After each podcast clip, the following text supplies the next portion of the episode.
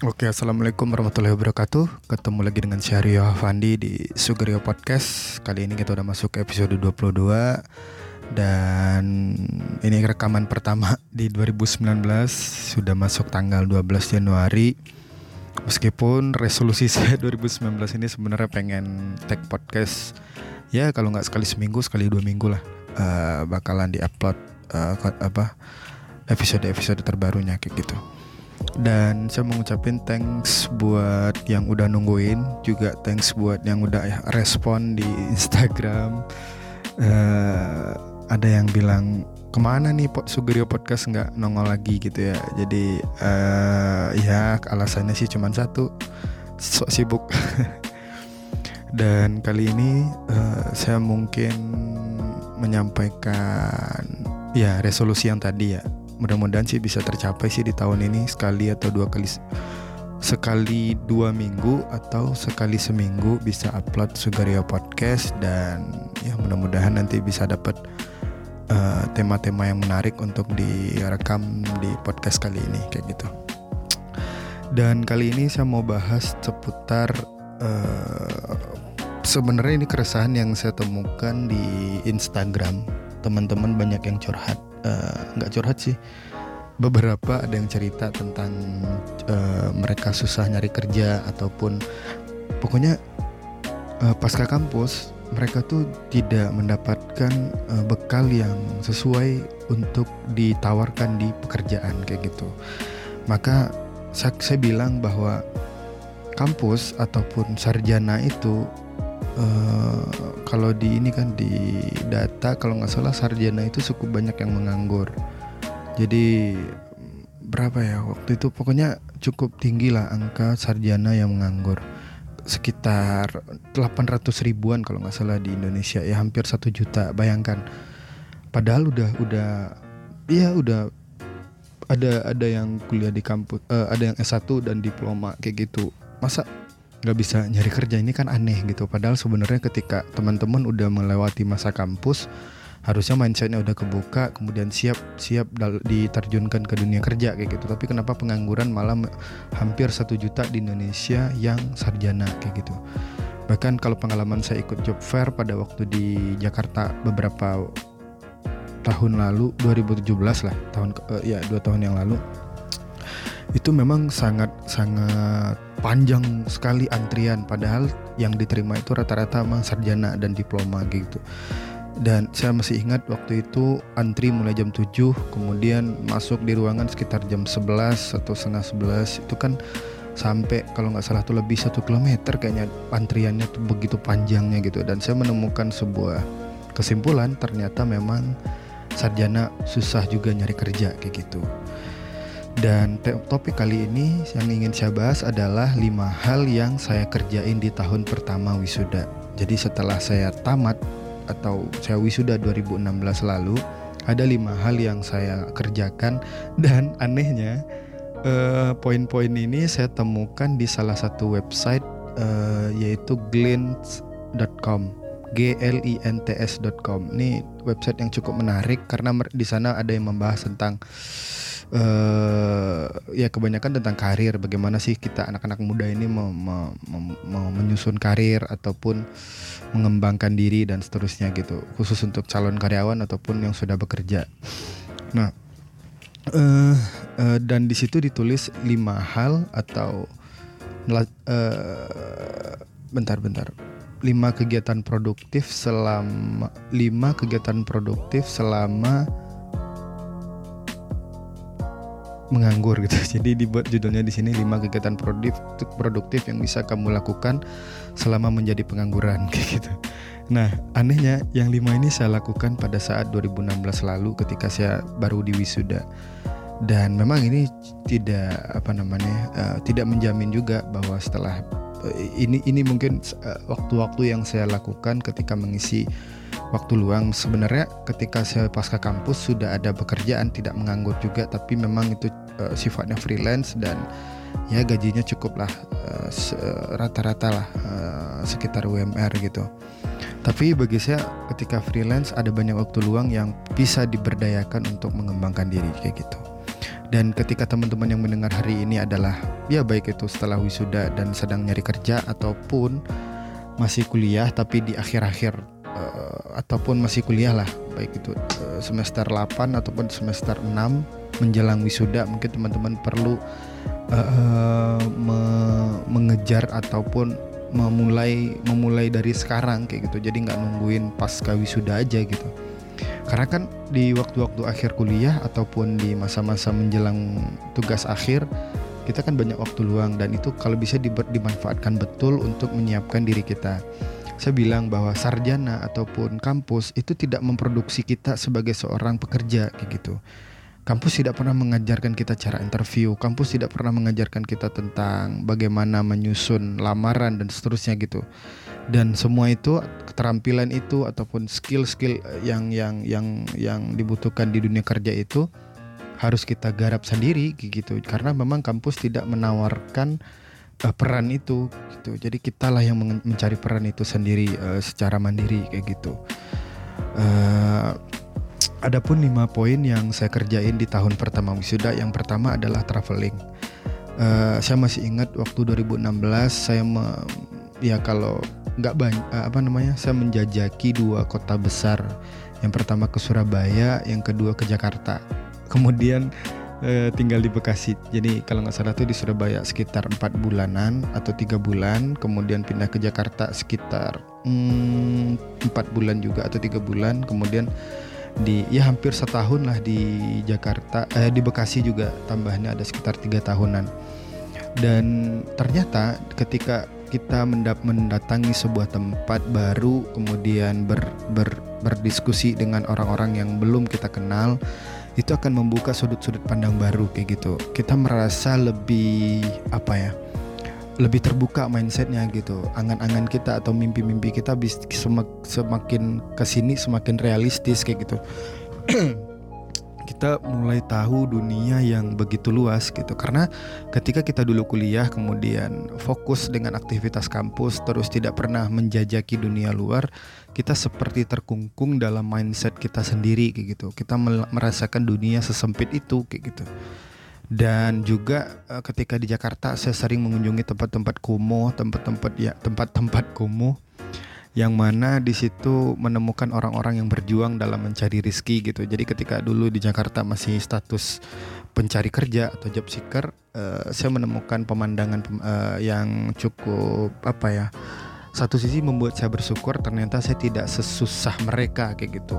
Mereka harus bangun pagi. Pemulung itu pun yang misalkan nih kayak pemulung itu itu jam 4 atau jam 5 udah keluar dari rumahnya untuk mencari uh, sampah yang bisa dimanfaatkan untuk dijual.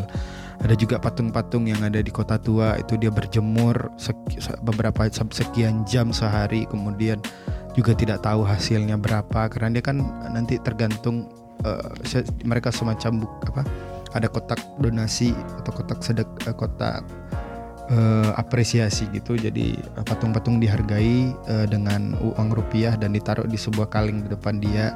Dan ya dengan dengan perjuangan sebegitunya kemudian ada juga saya datang ke pasar-pasar yang mana penjual-penjual itu menjual barang-barang bekas dan seterusnya kayak gitu. Jadi saya menemukan sebuah pan cara pandang baru kemudian meng menggeser mindset yang dulunya cukup kaku kemudian mulai meluas mulai meluas dan sedikit mendewasa gitu. Jadi mulai sekarang mungkin teman-teman yang masih kuliah coba rencanakan traveling gitu. Ya minimal kalaupun nggak keluar nggak keluar provinsi keluar kota aja dulu gitu.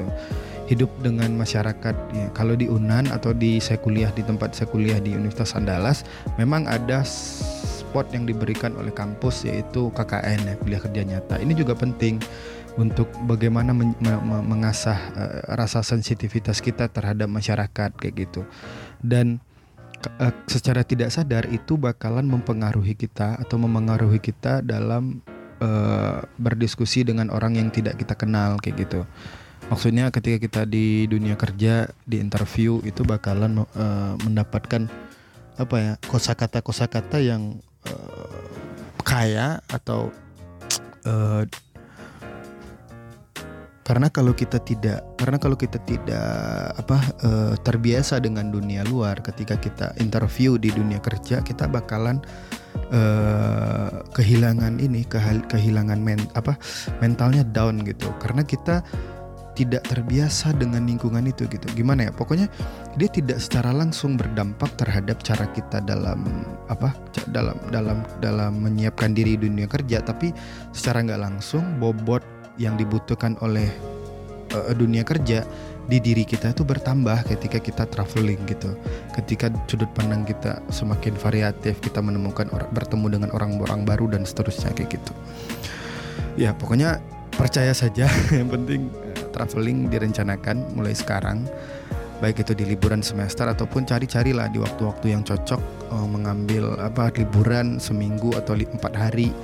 Ada tuh berapa tanggal merah. Uh, saya pun kemarin juga baru baru coba ternyata ada kalender cuti yang direkomendasikan oleh beberapa uh, website travel gitu. Jadi ini menjadi rujukan juga buat teman-teman gitu. Coba aja cari di Google kalender libur 2019 nah itu coba dimanfaatkan betul untuk mengasah diri kita di masyarakat kayak gitu. Kemudian yang kedua yang saya lakukan di lima apa di tahun pertama saya wisuda adalah saya kursus bahasa asing bahasa Inggris sih lebih tepatnya. Dan ini juga saya menyesal kenapa? Karena uh, telat kayak gitu. Karena harusnya kan pas kuliah dulu udah kursus bahasa Inggris tapi karena nggak pernah kepikiran dulunya sok-sok sibuk di organisasi-organisasi kampus kemudian kuliah juga lumayan sibuk jadi akhirnya nggak pernah uh, kecapaian kesampaian untuk kursus bahasa Inggris. Nah teman-teman yang hari ini masih kuliah ataupun yang udah tamat saya usulkan setahun ambil kursus ataupun minimal um, ini aja uh, kursus TOEFL gitu. Dua bulan kan atau dua bulan setengah.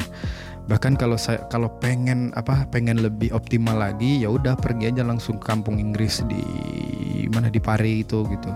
Itu betul-betul penting gitu karena dengan kita punya uh, apa skill bahasa Inggris atau bahasa asing yang mumpuni dunia kerja, apa di tempat kita kerja pun membuat kita menjadi lebih lebih mahal yang pertama. Kemudian cara kita mempelajari sesuatu uh, seperti konten-konten di internet itu banyak konten-konten yang bernutrisi tapi ber berbahasa Inggris kayak gitu. Ketika kita nonton YouTube ataupun baca-baca artikel gitu di medium.com pun banyak tulisan-tulisan yang keren tapi itu berbahasa Inggris. Nah ketika teman-teman tidak punya uh, kemampuan itu jadi nggak ini kan jadi nggak bisa maksimal dalam belajar gitu. Kemudian juga kalau apalagi teman-teman yang berencana mengambil beasiswa ini kan sangat penting gitu. Jadi kalau bisa kalau masih kuliah hari ini ambil sekarang cari informasi kursus bahasa bahasa Inggris ya paling kan sehari itu cuma dua jam atau satu jam bisa lah gitu. Jadi uh, coba dimanfaatkan waktunya gitu. Jangan sampai nanti telat uh, udah udah mau nyari kerja udah pengangguran sekian tahun baru menyadar bahwa bahasa Inggris itu penting gitu dan yang sering yang sering saya temukan di lapangan memang teman-teman itu insecure gitu merasa bahwa bahasa Inggris itu susah merasa nggak mungkin bisa bahasa Inggris dan seterusnya gitu. Padahal kan ya namanya belajar awalnya juga kita nggak nggak bisa kan gitu. Ya dulu sama ketika kita waktu mau masuk sekolah kita kan nggak bisa baca buku nggak bisa baca. Tapi maka kemudian ketika kita sekolah lah kita bisa baca gitu. Jadi jangan keburu minder jangan keburu rendah diri gitu. Ya belajar aja dulu gitu itu yang kedua. Yang ketiga yang saya lakukan di tahun pertama wisuda adalah saya bergabung di komunitas.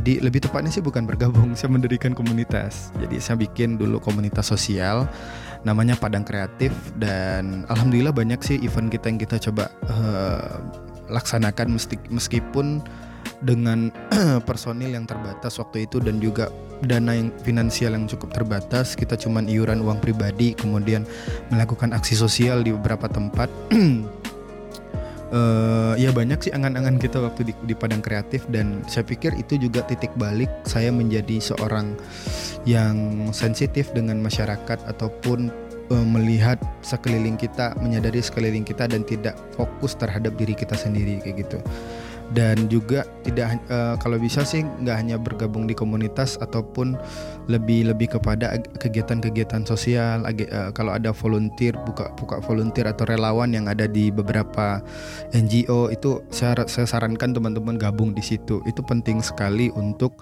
menunjang uh, sensitivitas atau rasa empati kita sehingga ketika kita mau mendaftar di sebuah apa di sebuah tempat kerja itu kita punya punya punya sesuatu yang beda gitu. Apa ya? Mungkin uh, bukan lagi-lagi se seperti yang tadi yang traveling tadi dampaknya tidak secara uh, spesifik nampak kayak gitu. Tapi secara nggak sadar ada bobot yang kita tambah dalam diri kita dan itu dibutuhkan di dunia kerja dan itu tidak kita dapatkan di kurikulum kampus kayak gitu dan kelebihan juga di komunitas kita bakalan terbiasa bekerja nothing tulus kita nggak nggak nggak nggak ter, nggak terlalu fokus kepada profit. Kita hanya ikhlas untuk beraktivitas di situ seneng-seneng dan mencari tambahan-tambahan kegiatan dan seterusnya kayak gitu. Dan di situ per, uh, otak kita semakin apa ya semakin kepake gitu. Karena dia bakalan mikir terus ketika nemu masalah di masyarakat dia mikir kemudian itu uh, latihan semacam latihan bagi otak kita berpikir dan itu akan me me me mempengaruhi pola pikir kita juga kayak gitu. Dan selain nothing tulus juga itu sangat bagus untuk portofolio. Saya kalau di CV itu saya bikin tuh uh, founder Padang Kreatif gitu. Padahal sebenarnya kan uh, ya kalau nggak salah satu-satunya komunitas yang saya dirikan yang bertahan ya itu yang bertahan lama ya pada kreatif itu. Dan ternyata itu berdampak ketika wow interview di beberapa tempat itu cukup sukses untuk pada akhirnya interviewer menjadi pertimbangan untuk diluluskan kayak gitu kan. Itu yang ketiga. Yang keempat yang saya lakukan tahun pertama wisuda adalah menyusun portofolio uh, teman-teman silahkan bikin list yang mau ditulis di portofolio teman-teman hari ini gitu. Dan yang ditulis itu dikejar. Ngerti nggak? Jadi misalkan nih saya pengen uh, di CV saya saya ik harus ikut lomba ini uh, juara lomba ini gitu. Maka ya udah dari sekarang kita kejar tuh coba cari lomba. Misalnya lomba menulis lomba menulis artikel ilmiah. Oke sekarang mulai sekarang berjuang untuk mendapatkan penghargaan dari itu gitu. Sehingga uh, CV kita tuh tidak seadanya tapi memang kita isi dengan hal-hal yang uh, apa namanya yang berisi gitu tidak tidak seadanya saja. Ketika saya, saya ini pengalaman ketika rekrutmen di kantor beberapa waktu lalu saya saya menseleksi beberapa uh, pendaftar rekrutmen itu ada banyak CV yang saya pikir saya tidak ingin memproses memprospek mereka gitu. Karena selain seadanya juga mereka tidak pandai bikin CV kemudian ya sangat-sangat terbatas yang dibuat pada akhirnya tidak mempengaruhi tim HRD untuk menerima mereka. Jadi teman-teman harus mulai sekarang persiapkan kira-kira uh, apa targetan yang kita ingin isi di portofolio. Kemudian dikejar gitu dicicil dari sekarang agar uh, portofolio kita menjadi lebih berdaging kayak gitu. Oke itu yang keempat. Yang kelima yang terakhir uh, hal yang saya kerjain di tahun pertama wisuda adalah meningkatkan keterampilan. Dulu saya sempat pengen kerja di startup. Ya belajar-belajar lah bikin aplikasi Android, kemudian uh, maka tahapan yang saya ingin tawar apa saya ingin beri masukan kepada teman-teman adalah coba identifikasi minat teman-teman hari ini gitu. Di mana sih uh, kecenderungan atau atau peminatan gitu. Bar kemudian dibikin listnya dan dan bela belajarlah mendalami itu. E, karena apa namanya bakat itu atau yang kita minat uh, minat yang kita punya itu tidak bakalan menjadi sesuatu yang dia yang yang yang berharga ketika teman-teman tidak men, me, me, me, mengasahnya kayak gitu. Jadi coba bikin minatnya apa, kemudian tentukan sering-seringlah komunikasi dengan diri sendiri tanya ke diri kita kita maunya jadi apa dan seterusnya gitu. Kemudian baru selanjutnya kita belajar belajar mem memenuhi minat itu mengasah bakat yang kita punya. Saya masih ingat waktu itu 2017 saya menda saya pengen banget bikin aplikasi Android. Ya sudah saya belajar di YouTube belajar di internet dan uh, akhirnya beberapa kali sih ada beberapa apps yang bisa saya bikin. Meskipun apps yang masih sederhana betul dan ya nggak apa-apa gitu kemudian mungkin teman uh, ada yang pernah salah seorang teman yang saya usulkan kayak gitu juga mereka merasa kan kita nggak tahu pasti ini bakalan dibutuhkan di perusahaan atau enggak kayak gitu nah ini sebuah pemikiran yang saya pikir perlu direvisi ya. Teman-teman ketika belajar jangan berpikir apa uh, dampak yang bakalan teman-teman terima secara fisik kayak gitu, secara karir gitu tapi nikmati gitu. Aktivitas belajar yang kita lakukan pasca kampus itu pasti akan berdampak. Itu sudah pasti. Tapi eh, nggak eh, usah memikirkan ini dampaknya apa gitu.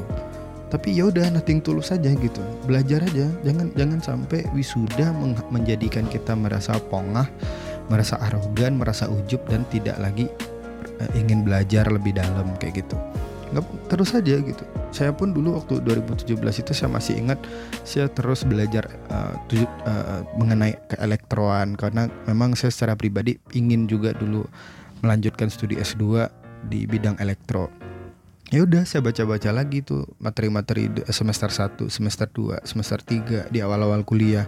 Karena kan udah lupa juga tuh gitu.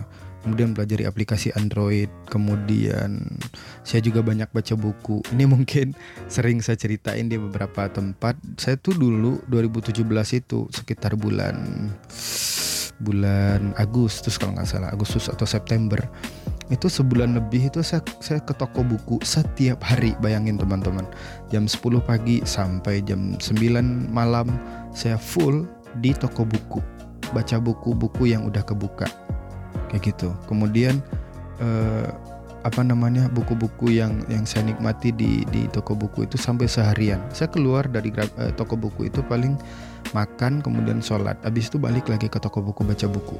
Saya bisa menamatkan tiga buku sehari atau dua buku sehari uh, di toko buku gitu.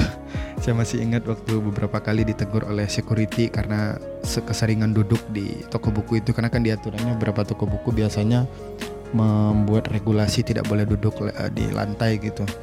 Dan ya itu saya nikmatin saja gitu. Saya nggak mikir apakah yang saya baca ini akan berdampak terhadap karir saya. Nggak saya pikirin itu gitu. Saya menikmati tiap kata yang saya baca di buku-buku itu gitu. Dan alhamdulillah jangan-jangan saya nggak tahu juga uh, itulah yang saya akhirnya hari ini uh, dapatkan uh, peluang-peluang karir yang hari ini saya bisa gapai mungkin berkat dari aktivitas belajar yang saya lakukan pasca wisuda kayak gitu. Oke itu ya lima mungkin hal yang bisa teman-teman kerjain di tahun pertama wisuda.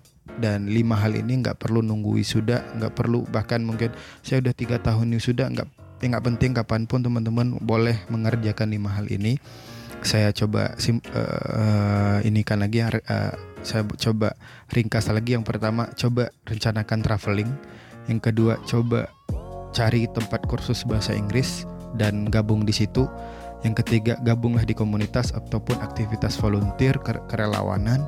Yang keempat, susun portofolio teman-teman dan yang kelima, tingkatkan keterampilan atau minat yang sedang ingin di, di, di, di, ditumbuhkan dalam diri teman-teman. Oke, mungkin itu saja di episode 22 ini semoga bermanfaat. Uh, teruslah bertumbuh setiap harinya. Kata Rasul, hari ini harus lebih baik daripada hari kemarin. Kalau sama, berarti kita adalah orang-orang yang merugi. Oke, terima kasih yang udah dengerin sampai menit ini. Saya berharap teman-teman berkenan untuk membagikan situs ataupun eh, link web uh, link podcast ini kepada teman-teman yang lain. Mudah-mudahan kemanfaatannya bisa semakin menyebar. Terima kasih. Uh, kalau teman-teman ada pertanyaan, ada curhatan yang ingin dibagikan, saya saya bakalan terima di DM Instagram @riohavandi ataupun di email riohavandi@gmail.com. Oke, itu saja Sugrio Podcast kali ini. Terima kasih. Wabillahi taufiq hidayah. Assalamualaikum warahmatullahi wabarakatuh.